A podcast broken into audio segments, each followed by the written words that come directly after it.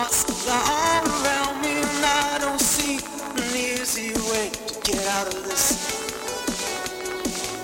Her diary sits by the bedside table, the curtains closed, the cat's in a cradle.